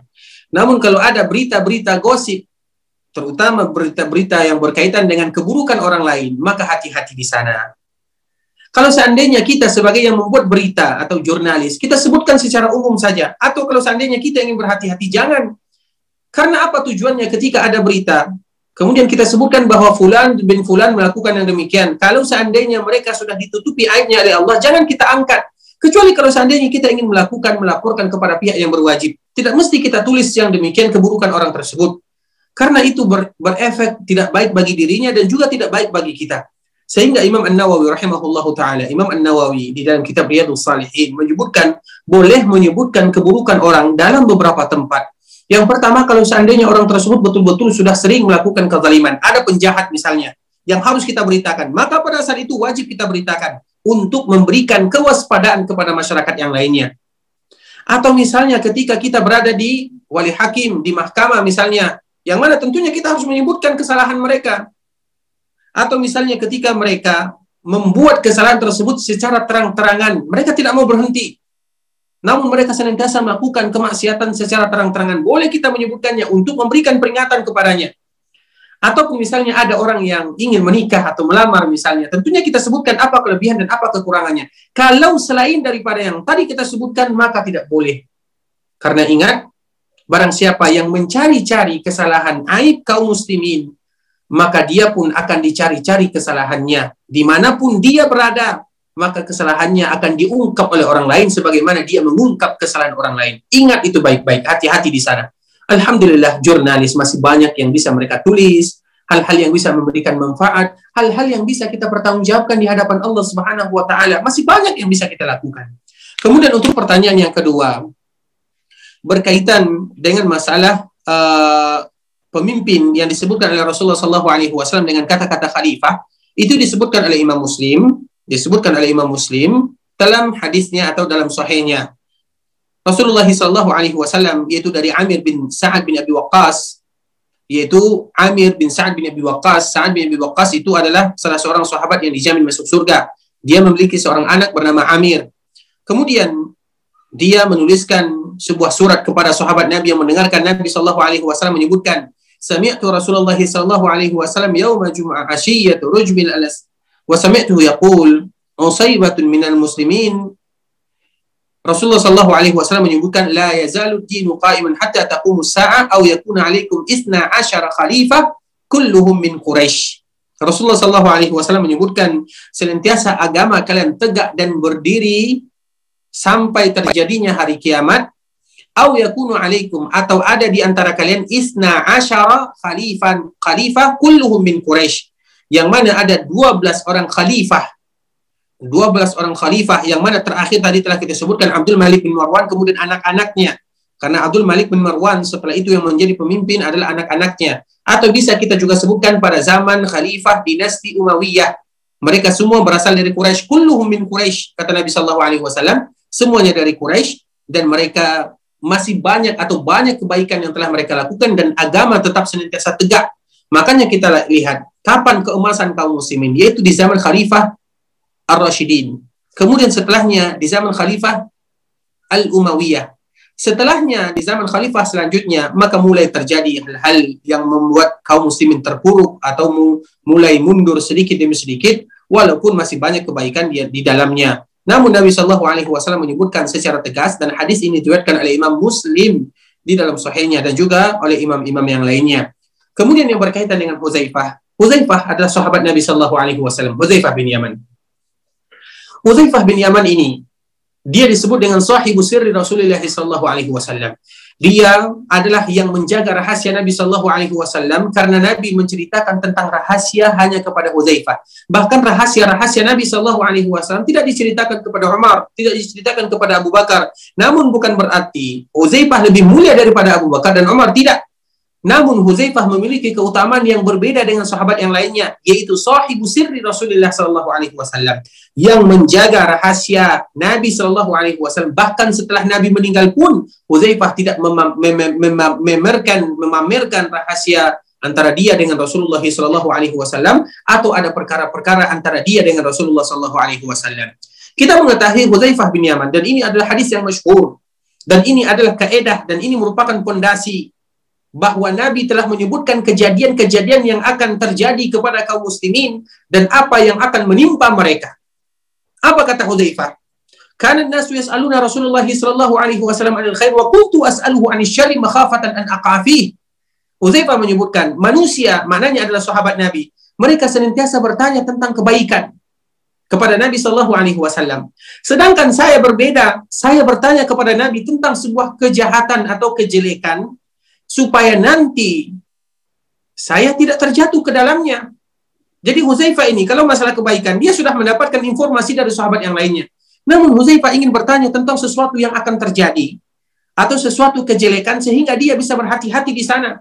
Sebagaimana kita mengetahui, misalnya kita ingin pergi ke sebuah daerah, kemudian ada saudara kita yang mengatakan nanti kalau sampai di sana hati-hati karena di sana ada jalan yang rusak, di sana ada ini, di sana ada itu. Tentunya kita akan lebih berhati-hati. Itulah yang disebutkan oleh Huzaifah bin Yaman radhiyallahu taala anhu. Makhafatan an yudrikani. Karena aku takut kalau seandainya aku mendapatkan berita buruk tersebut. Kemudian mulailah dia bertanya kepada Rasulullah sallallahu alaihi wasallam, "Ya Rasulullah, Dulu kami berada di masa jahiliyah. Sikut kanan, sikut kiri. Yang kuat berkuasa, yang lemah tertindas. Kemudian Allah memberikan kepada kami cahaya, yaitu Rasulullah Sallallahu Alaihi Wasallam. Dan ini adalah kebaikan. Apa kata Huzaifah? Ya Rasulullah, setelah cahaya ini, setelah kebaikan ini, apakah akan datang setelahnya keburukan? Apa kata Nabi Sallallahu Alaihi Wasallam? Iya. Maknanya apa? Ada keburukan yang terjadi di umat Rasulullah Sallallahu Alaihi Wasallam. Kemudian setelah itu Huzaifah bertanya lagi, ya Rasulullah, apakah setelah keburukan tersebut ada lagi kebaikan? Maka Rasul mengatakan, iya. Setelah itu muncul lagi yang namanya kebaikan. Wa fihi dakhan. Dakhan itu adalah di dalam kebaikan tersebut, namun ada hal-hal yang harus kita berhati-hati di sana. Kalau bahasa kitanya, ada uh, hal-hal yang mungkin merugikan kaum muslimin atau mereka harus menjaga diri mereka di dalam dakhan tersebut. Kemudian apa kata Rasulullah SAW? Apa kata Hudzaifah? Wa ma dakhnuhu? Apa dakhan ini Rasulullah? Maka Rasulullah SAW Alaihi Wasallam mengatakan, kaumun yastannuna bi ghairi sunnati wa yahtaduna bi ghairi hudai. Mereka yang tidak mau lagi memegang sunnah Nabi Sallallahu Alaihi Wasallam. Mereka yang tidak mau lagi mengambil petunjuk dari Rasulullah Sallallahu Alaihi Wasallam. Ta'rifu minhum wa tunkir. Yang mana kalian tahu, namun dan kalian juga akan mengingkari apa yang mereka lakukan. Hal ba'da dzalika al-khairu min syarr qala na'am du'atun ala abwab jahannam man ajabahum ilaiha qadafuhu fiha. Kemudian apalagi kata Rasulullah wasallam akan ada di antara mereka penyeru pendakwah mereka yang mengajak baik itu dari kaum muslimin itu sendiri atau dari pemimpin mereka itu sendiri intinya akan ada di antara mereka yang mengajak kalian kepada neraka jahanam Man ajabahum qadhafuhu fiha. Barang siapa yang menjawab ajakan mereka tersebut, maka mereka akan semuanya dilemparkan ke dalam jahanam. Maka Huzaifah bertanya, siapa mereka ya Rasulullah? Siapa? Apa kata Rasulullah sallallahu alaihi wasallam? Hum qaumun min jildatina wa yatakallamuna bi alsinatina. Mereka adalah dari bangsa kita. Berbicara dengan bahasa kita. Terjadi fitnah yang merajalela. Terjadi fitnah di mana-mana terjadi hal-hal yang kita tidak bisa menerimanya. Apa kata Rasulullah Sallallahu Alaihi Wasallam? Ya Rasulullah, kalau seandainya demikian, apa yang harus aku lakukan? Dan hadis Huzaifah ini, Alhamdulillah, ada salah seorang senior kami khusus menulis risalah atau tesis atau skripsi jenjang S2 khusus masalah hadis Huzaifah. Khusus masalah hadis Huzaifah, poin-poin yang bisa kita ambil di sana, yaitu doktor Iqbal Gunawan yang berasal dari Sulawesi, namanya adalah Dr. Iqbal Gunawan. Dia memiliki sebuah tesis atau sebuah skripsi atau tesis yang berjudul yang berkaitan dengan hadis Huzaifah. Dan di antara salah satu fitnah yang terjadi di dalam hadis tersebut, apa kata Rasulullah Sallallahu Alaihi Wasallam? Akan ada pemimpin, akan ada pemimpin yang mengajak kalian melakukan kemaksiatan, melakukan hal-hal yang tidak diridhai oleh Allah Subhanahu wa taala, bahkan melakukan hal-hal yang kejahatan yang sangat tinggi. Apa kata Rasulullah sallallahu alaihi wasallam kepada Hudzaifah dan ini nasihat Hudzaifah. Talzam jama'atal muslimina wa imamahum. Hendaklah kamu wahai Hudzaifah senantiasa bersama kaum muslimin, bersama jamaah kaum muslimin dan pemimpin mereka. Maknanya apa? Jangan pernah keluar daripada ketaatan pemimpin, pemimpin, pemimpin. Jaga ketaatan kalian, jaga bayat kalian. Kemudian Hudzaifah bertanya, "Ya Rasulullah, kalau seandainya betul-betul terjadi fitnah, mereka tidak punya lagi jemaah, mereka tidak punya lagi yang namanya imam, apa yang harus aku lakukan?" Fa'tazil tilkal firqa kullah. Tinggalkan semua kelompok-kelompok tersebut, tinggalkan semua, jangan bergabung di sana. Sampai kapan? Walau anta ala asli syajaratin hatta yudrikakal maut wa anta ala talik. Bahkan kalau seandainya engkau wahai Hudzaifah sampai engkau memakan ranting-ranting kayu engkau menggigit ranting-ranting kayu, bahkan sampai engkau wafat pun, sampai engkau meninggal pun, hendaklah tetap dalam keadaan demikian. Maknanya apa? Jaga kepemimpinan, yaitu jaga jamaah kaum muslimin, jangan keluar dari pemimpin kaum muslimin. Bahkan fitnah yang sangat besar akan melanda. Namun tetap jaga kepemimpinan kaum muslimin, jaga jamaah kaum muslimin, jangan pernah keluar daripada ketaatan kaum muslimin. Karena tidak ada dalam sejarah mereka yang keluar dari pemimpin mereka. Sezalim apa pun kepemimpinan tersebut, kecuali kerusakan. Di sini akan kita sebutkan cerita sedikit supaya kita mengambil pelajaran. Kita mengetahui cerita sedikit saja dan ini dinukilkan oleh Imam Ahmad dan juga dinukilkan oleh Imam Ibnu Katsir dalam kitab Al-Bidayah wa Nihayah tentang Imam Ahmad rahimahullah taala. Imam Ahmad kita tahu dia dicambuk, dipenjara, Kemudian maka datang orang-orang ahli fikih. Para ulama, kalau kita sebutkan mereka para ulama, datang para ulama. Mengatakan kepada Imam Ahmad, wahai Imam, apa yang harus kita lakukan? Maka Imam Ahmad mengatakan, kalian mau apa? Kami mau fatwamu. Atau kami mau kamu keluar bersama kami. Ayo kita keluar. Mananya apa? Ayo kita melawan pemimpin tersebut dengan dengan apa yang mereka punya, dengan pedang, dengan lisan, dengan tulisan. Imam Ahmad memberikan peringatan, jangan jangan kalian pernah keluar padahal dia sedang berada di dalam penjara dihukum karena kesalahan yang betul-betul dia tidak melakukan kesalahan. Kemudian apa yang terjadi? Dan hadis ini diriwayatkan oleh anaknya Abdullah, Abdullah bin Ahmad. Akhirnya mereka tidak menerima. Mereka tetap melawan kepada pemerintah, melawan kepada imam pada saat itu. Apa kata Abdullah bin Ahmad? Saya tidak mengetahui satupun di antara mereka setelahnya yang hidup. Mananya apa? Mereka melawan, tentunya terjadi kerusakan. Mereka tidak memikirkan kerusakan setelahnya. Mereka tidak memikirkan anak-anaknya, mereka tidak memikirkan keluarganya, mereka tidak memikirkan masyarakatnya. Karena kadang-kadang hanya karena ego saja, bahwa saya ini benar, pemerintah salah, saya harus mengatakan seperti ini. Betul, tidak menjadi masalah. Namun kita memikirkan apa efek sampingnya, apa yang terjadi setelahnya. Dan sejarah akan berulang begitu, begitu, begitu. Kenapa kita harus membaca sejarah terutama tentang masalah kepemimpinan? Supaya kita tidak terjatuh kepada apa yang telah mereka terjatuh sebelumnya. Kita belajar, kita mengambil manfaat, kita mengambil faedah darinya, sehingga kita bisa mengambil ibrah. Itu yang harus kita lakukan. Barakallahu fikum wa jazakumullahu khair. Ya, sudah cukup lengkap ya uh, Pak Chef Muhawan ya penjelasan dari Ustadz panjang lebar. Oke, berikutnya saya bacakan pertanyaan berikutnya yang setelah masuk di kolom chat dari Pak Niko ini. Assalamualaikum warahmatullahi wabarakatuh. Semoga Ustadz dan keluarga selalu dilindungi Allah Ta'ala. Amin. Bagaimana pendapat Ustadz mengenai perlawanan Abdullah bin Zubair pada masa pemerintahan Bani Umayyah? Jazakallah khairan. Barakallahu fiikum wa jazakumullahu khairan. Semoga Allah Subhanahu wa taala menjaga kita bersama. Tentunya pembahasan ini uh, sebelumnya kami uh, kita ingatkan diri kita pribadi terutama berkaitan dengan Abdullah bin Zubair radhiyallahu taala anhu di zaman Umayyah. Kita tidak terlalu membahas sebagaimana yang disebutkan oleh Umar bin Abdul Aziz rahimahullahu taala bagaimanapun mereka adalah sahabat-sahabat Rasulullah sallallahu alaihi wasallam, apa pun yang terjadi di antara mereka, mereka adalah orang-orang yang telah diridhai oleh Allah Subhanahu wa taala apa pun bukan hanya sekedar Abdullah bin Zubair saja, yang lain semua para sahabat, apa pun yang terjadi di antara mereka, apa pun yang mereka lakukan ketahuilah mereka adalah manusia yang sudah diridai oleh Allah Subhanahu wa taala sehingga tidak ada kata-kata yang kita ucapkan kecuali mengatakan radhiyallahu taala anhum ajma'in. Barakallahu fikum.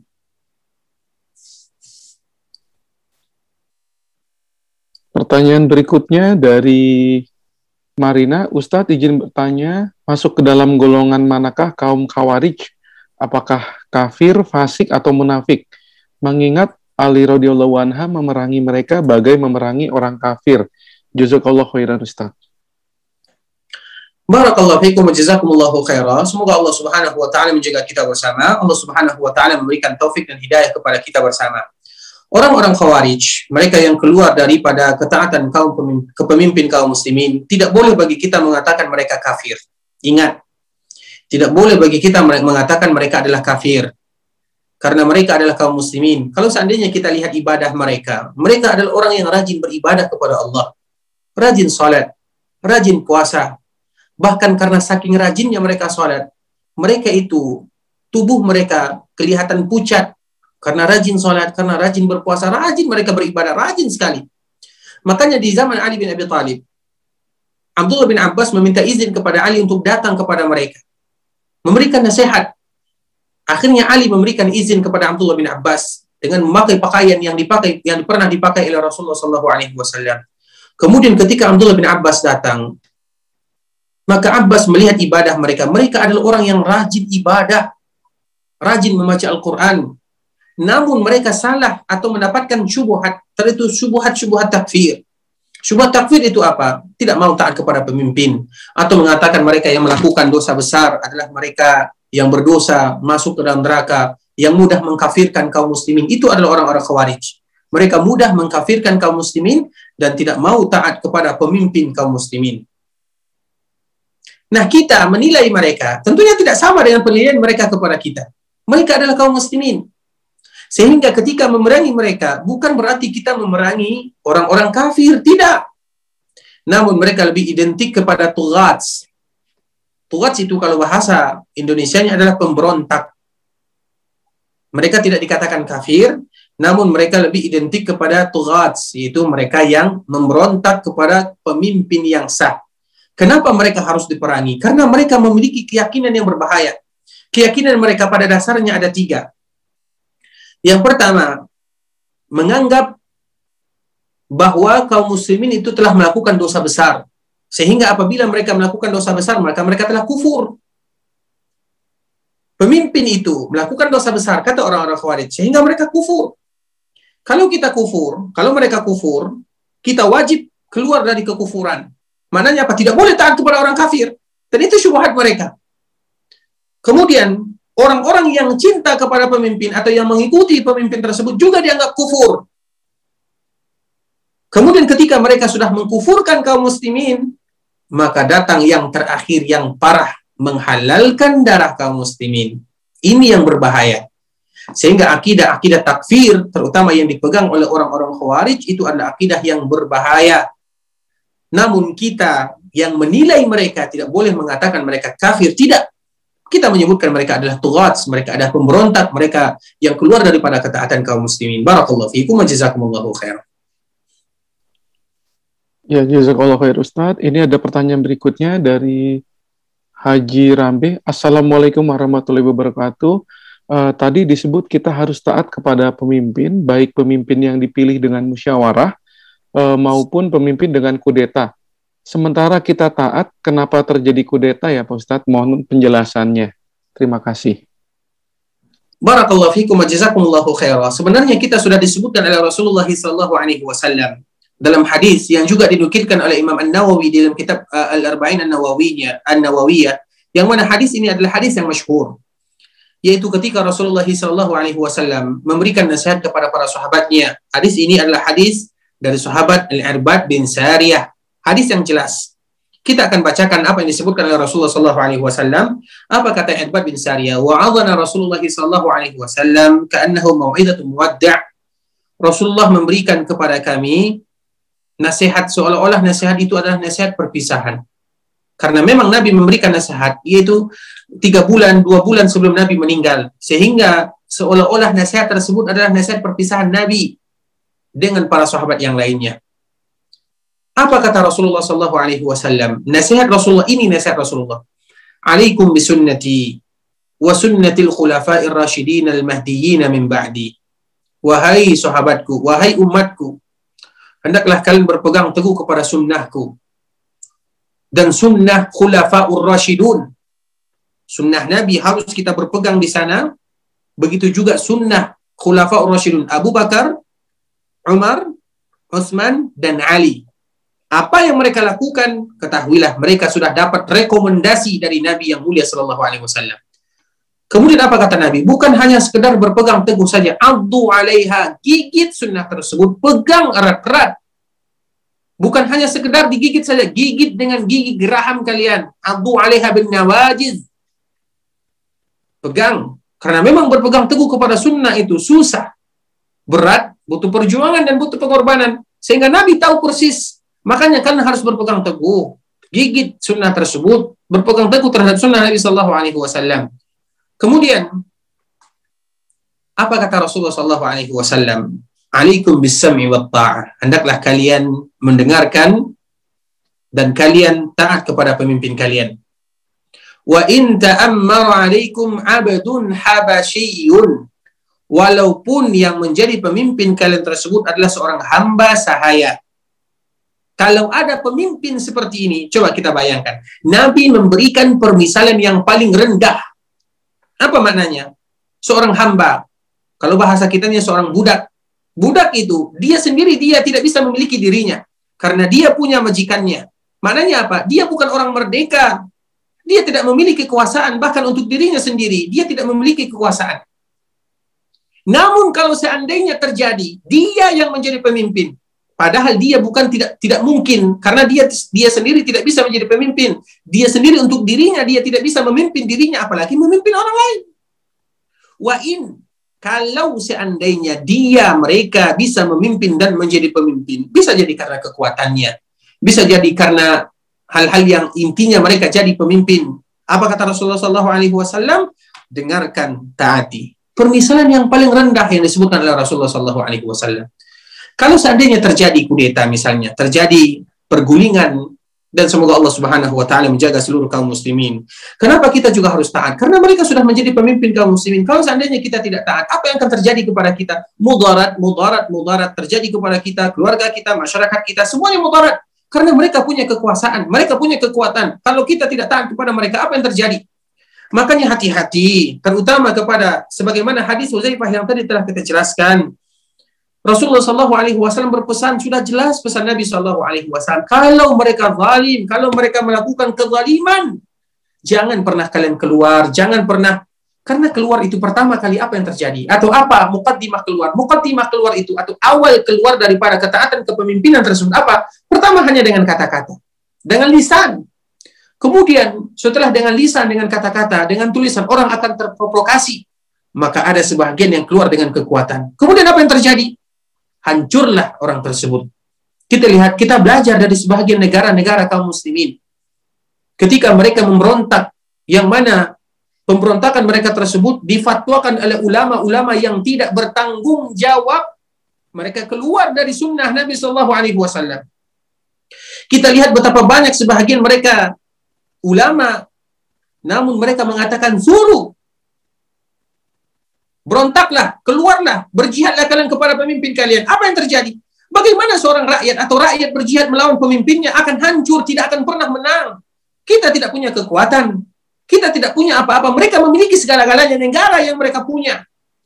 Bagaimanapun ketika mereka sudah sampai di puncak kekuasaan, lakukan kewajiban kita. Ustadz, hak kita tidak diberikan. Makanya tadi telah kita sebutkan berdoa kepada Allah Subhanahu wa taala dan ini keedah yang telah disebutkan Nabi lakukan kewajiban kalian sebagai seorang rakyat. Sedangkan hak kalian minta kepada Allah. Bisa jadi Allah lembutkan hati mereka, bisa jadi Allah mudahkan urusan kita. Itu yang harus kita lakukan demi menjaga stabilitas negara, keamanan kaum muslimin.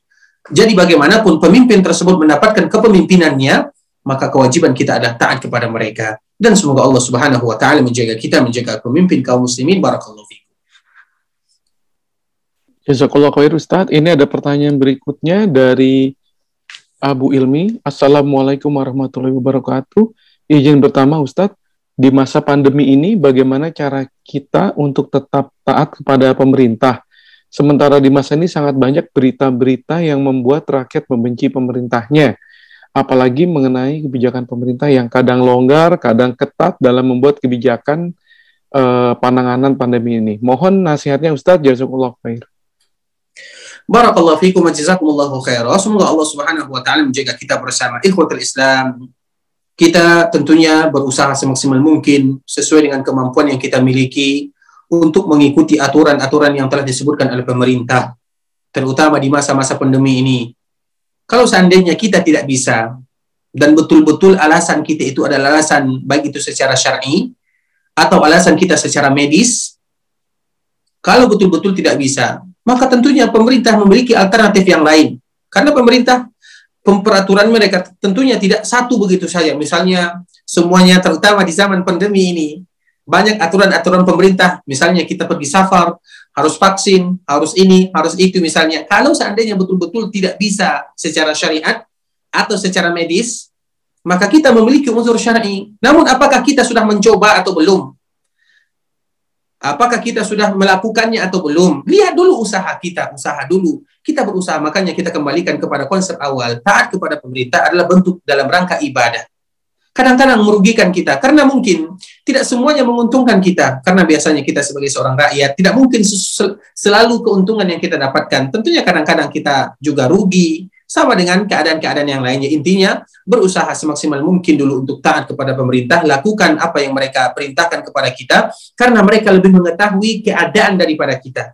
Mereka memiliki badan-badan khusus, mereka memiliki uh, misalnya maklumat-maklumat informasi yang mungkin kita tidak dapatkan.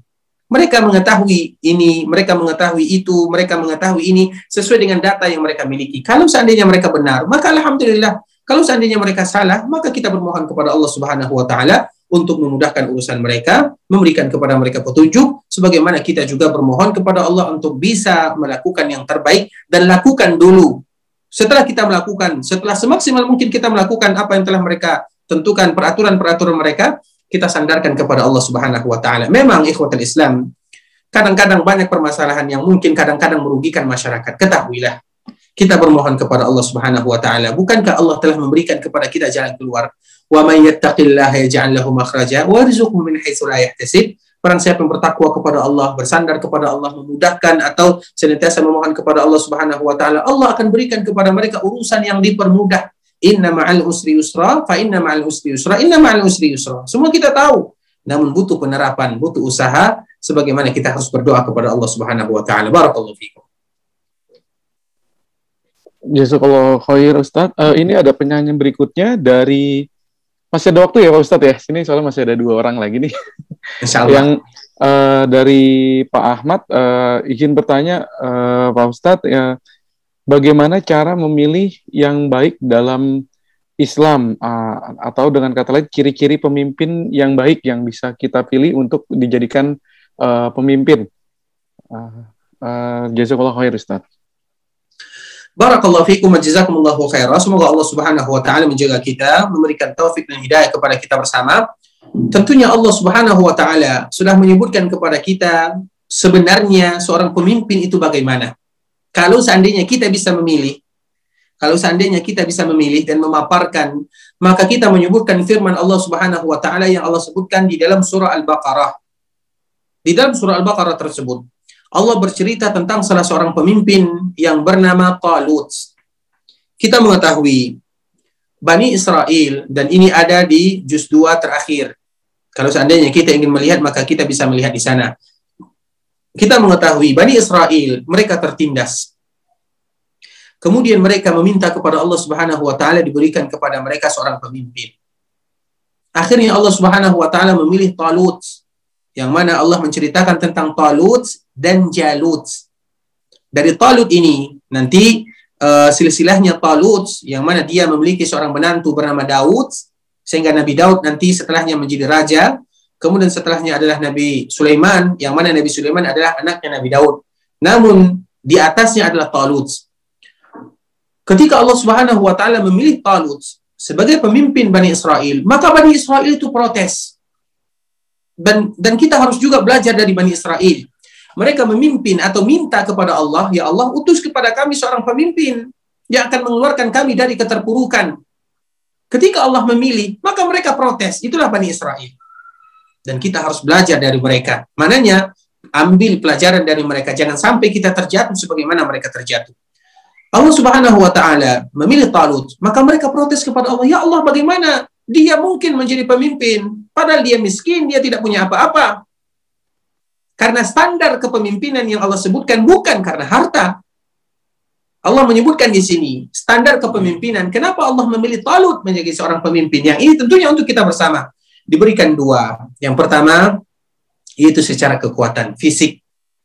Yang kedua, baik itu secara zahir, fisik secara zahir. Yang kedua, secara lahiriah, secara batiniyah, yaitu ilmu. Ilmu tentang kepemimpinan tersebut. Itu, inilah dua sifat yang dimiliki oleh Talut, sehingga Allah menjadikan dia sebagai pemimpin Bani Israel untuk melawan Jalut yang mana setelahnya Allah Subhanahu wa taala berikan kemenangan Bani Israel kepada Bani Israel. Namun itulah Bani Israel. Mereka minta kepada Allah pemimpin, Allah berikan kepada mereka pemimpin, namun mereka memprotes, yang mana pada akhirnya mereka juga mendapatkan kerugian.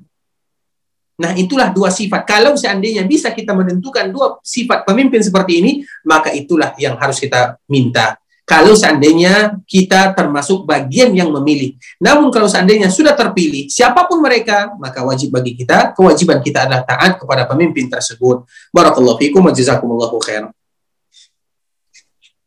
Uh, jazakallah khair mungkin karena keterbatasan waktu ini mungkin pertanyaan terakhir ya Pak Ustadz ya. Uh, ada pertanyaan dari Muhammad.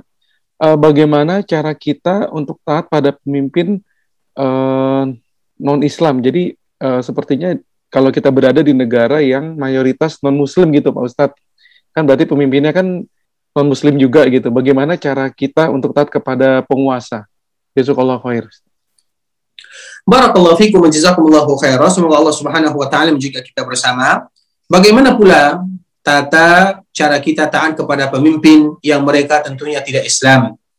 Alhamdulillah, terutama di zaman-zaman sekarang ini, siapa pun yang memimpin, maknanya kalau seandainya pemimpin tersebut bukan pemimpin kaum muslimin yang mana kita tinggal di daerah tersebut atau lahir di sana atau ada di sana, maka kewajiban kita adalah taat. Namun alhamdulillah dalam uh, terakhir itu atau zaman-zaman terakhir ini tidak ada lagi yang namanya kita dengar zaman-zaman sebelumnya.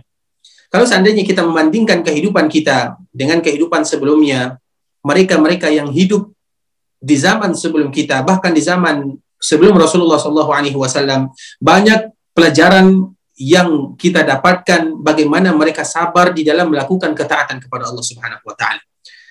Kalau kita lihat keadaan zaman kita ini, kalau seandainya mereka bukan Muslim, namun mereka tidak melarang kita untuk beribadah, mereka tidak melarang kita untuk melakukan yang itu adalah bagian daripada agama kita. Alhamdulillah di belahan dunia mana saja kita lihat kaum muslimin, mereka bebas beribadah. Memang ada sedikit gangguan, namun itu adalah perjuangan kita bersama. Karena setiap orang itu ada perjuangan masing-masing. Dan yang harus kita lakukan adalah tetap taat kepada mereka yang berkaitan dengan urusan dunia. Itu wajib kita taat. Karena kalau seandainya kita tidak taat, maka kerugian akan ada pada kita. Karena pemimpin itu adalah mereka yang akan menjaga dunia dan akhirat. Nah, ternyata pemimpin kita adalah pemimpin yang non-muslim.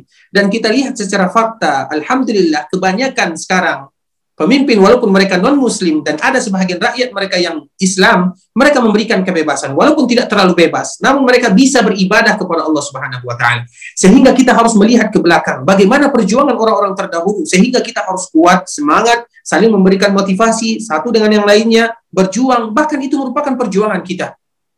Kalau seandainya kita melihat sejarah-sejarah sebelum Nabi Shallallahu alaihi wasallam Allah ceritakan di dalam surah Al-Buruj Allah Subhanahu wa taala ceritakan di dalam surah Al-Baqarah, banyak Allah ceritakan bagaimana perjuangan orang-orang terdahulu melawan pemimpin atau menghadapi pemimpin yang betul-betul non muslim plus mereka zalim.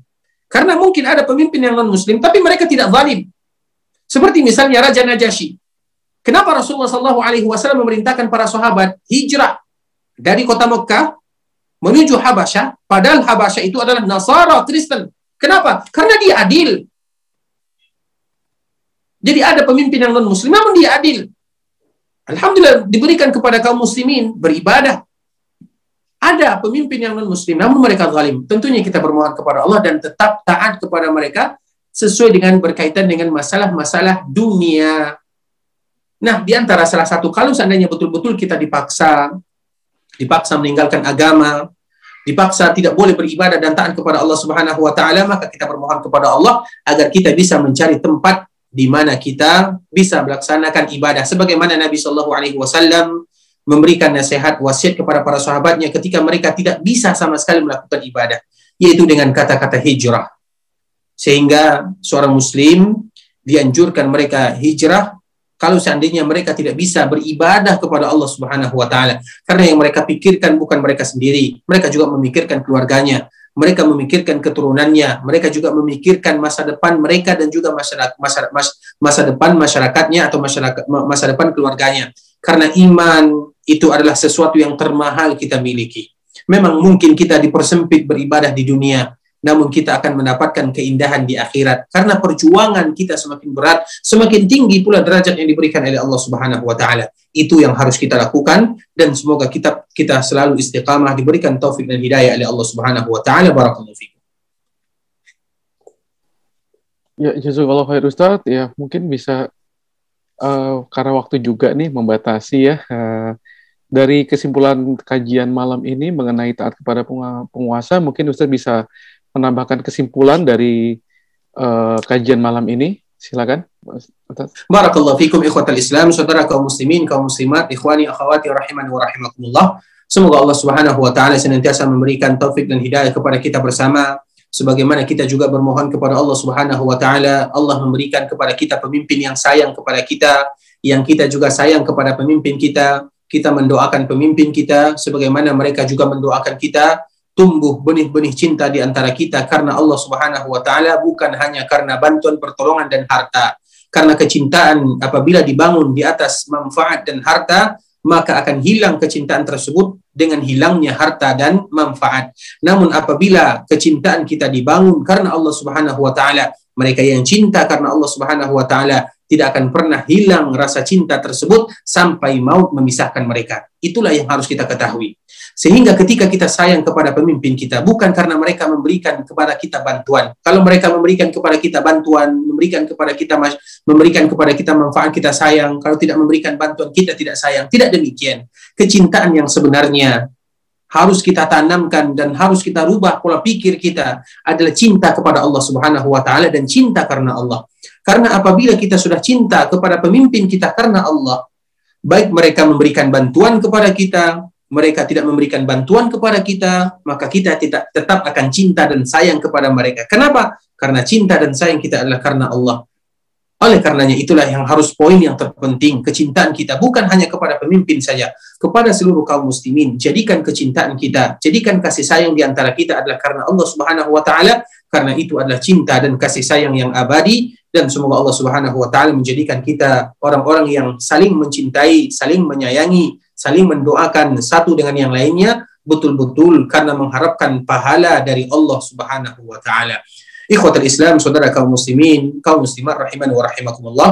Uh, sebelumnya atau uh, yang pertama dan yang terakhir kami mengucapkan jazakumullahu khairan kepada uh, dokter moderator kita. Semoga Allah Subhanahu wa taala senantiasa menjaganya, menjaga keluarganya dan juga kami mengucapkan jazakumullahu khairan kepada sahabat ilmu Darmais, kepada seluruhnya Bapak Dokter Profesor Deraksi dan yang uh, mengikuti program kita ini. Semoga Allah Subhanahu wa taala senantiasa memberikan manfaat taufik dan hidayah kepada kita serta kita memohon istiqamah kepada Allah di dalam agama yang benar dari Allah Subhanahu wa taala dan yang salah dari diri kami uh, karena kebodohan kami dan karena kekurangan ilmu kami, karena kejahilan kami dan kami mohon maaf. Kita tutup dengan membaca doa kafaratul majlis. Subhanakallahumma bihamdika asyhadu an la ilaha illa anta astaghfiruka wa atubu ilaik. Assalamualaikum warahmatullahi wabarakatuh. La yazuquna fiha bardan wala syaraba illa hamiman wa ghassaqa جزاء وفاقا إنهم كانوا لا يرجون حسابا. وكذبوا بآياتنا كذابا.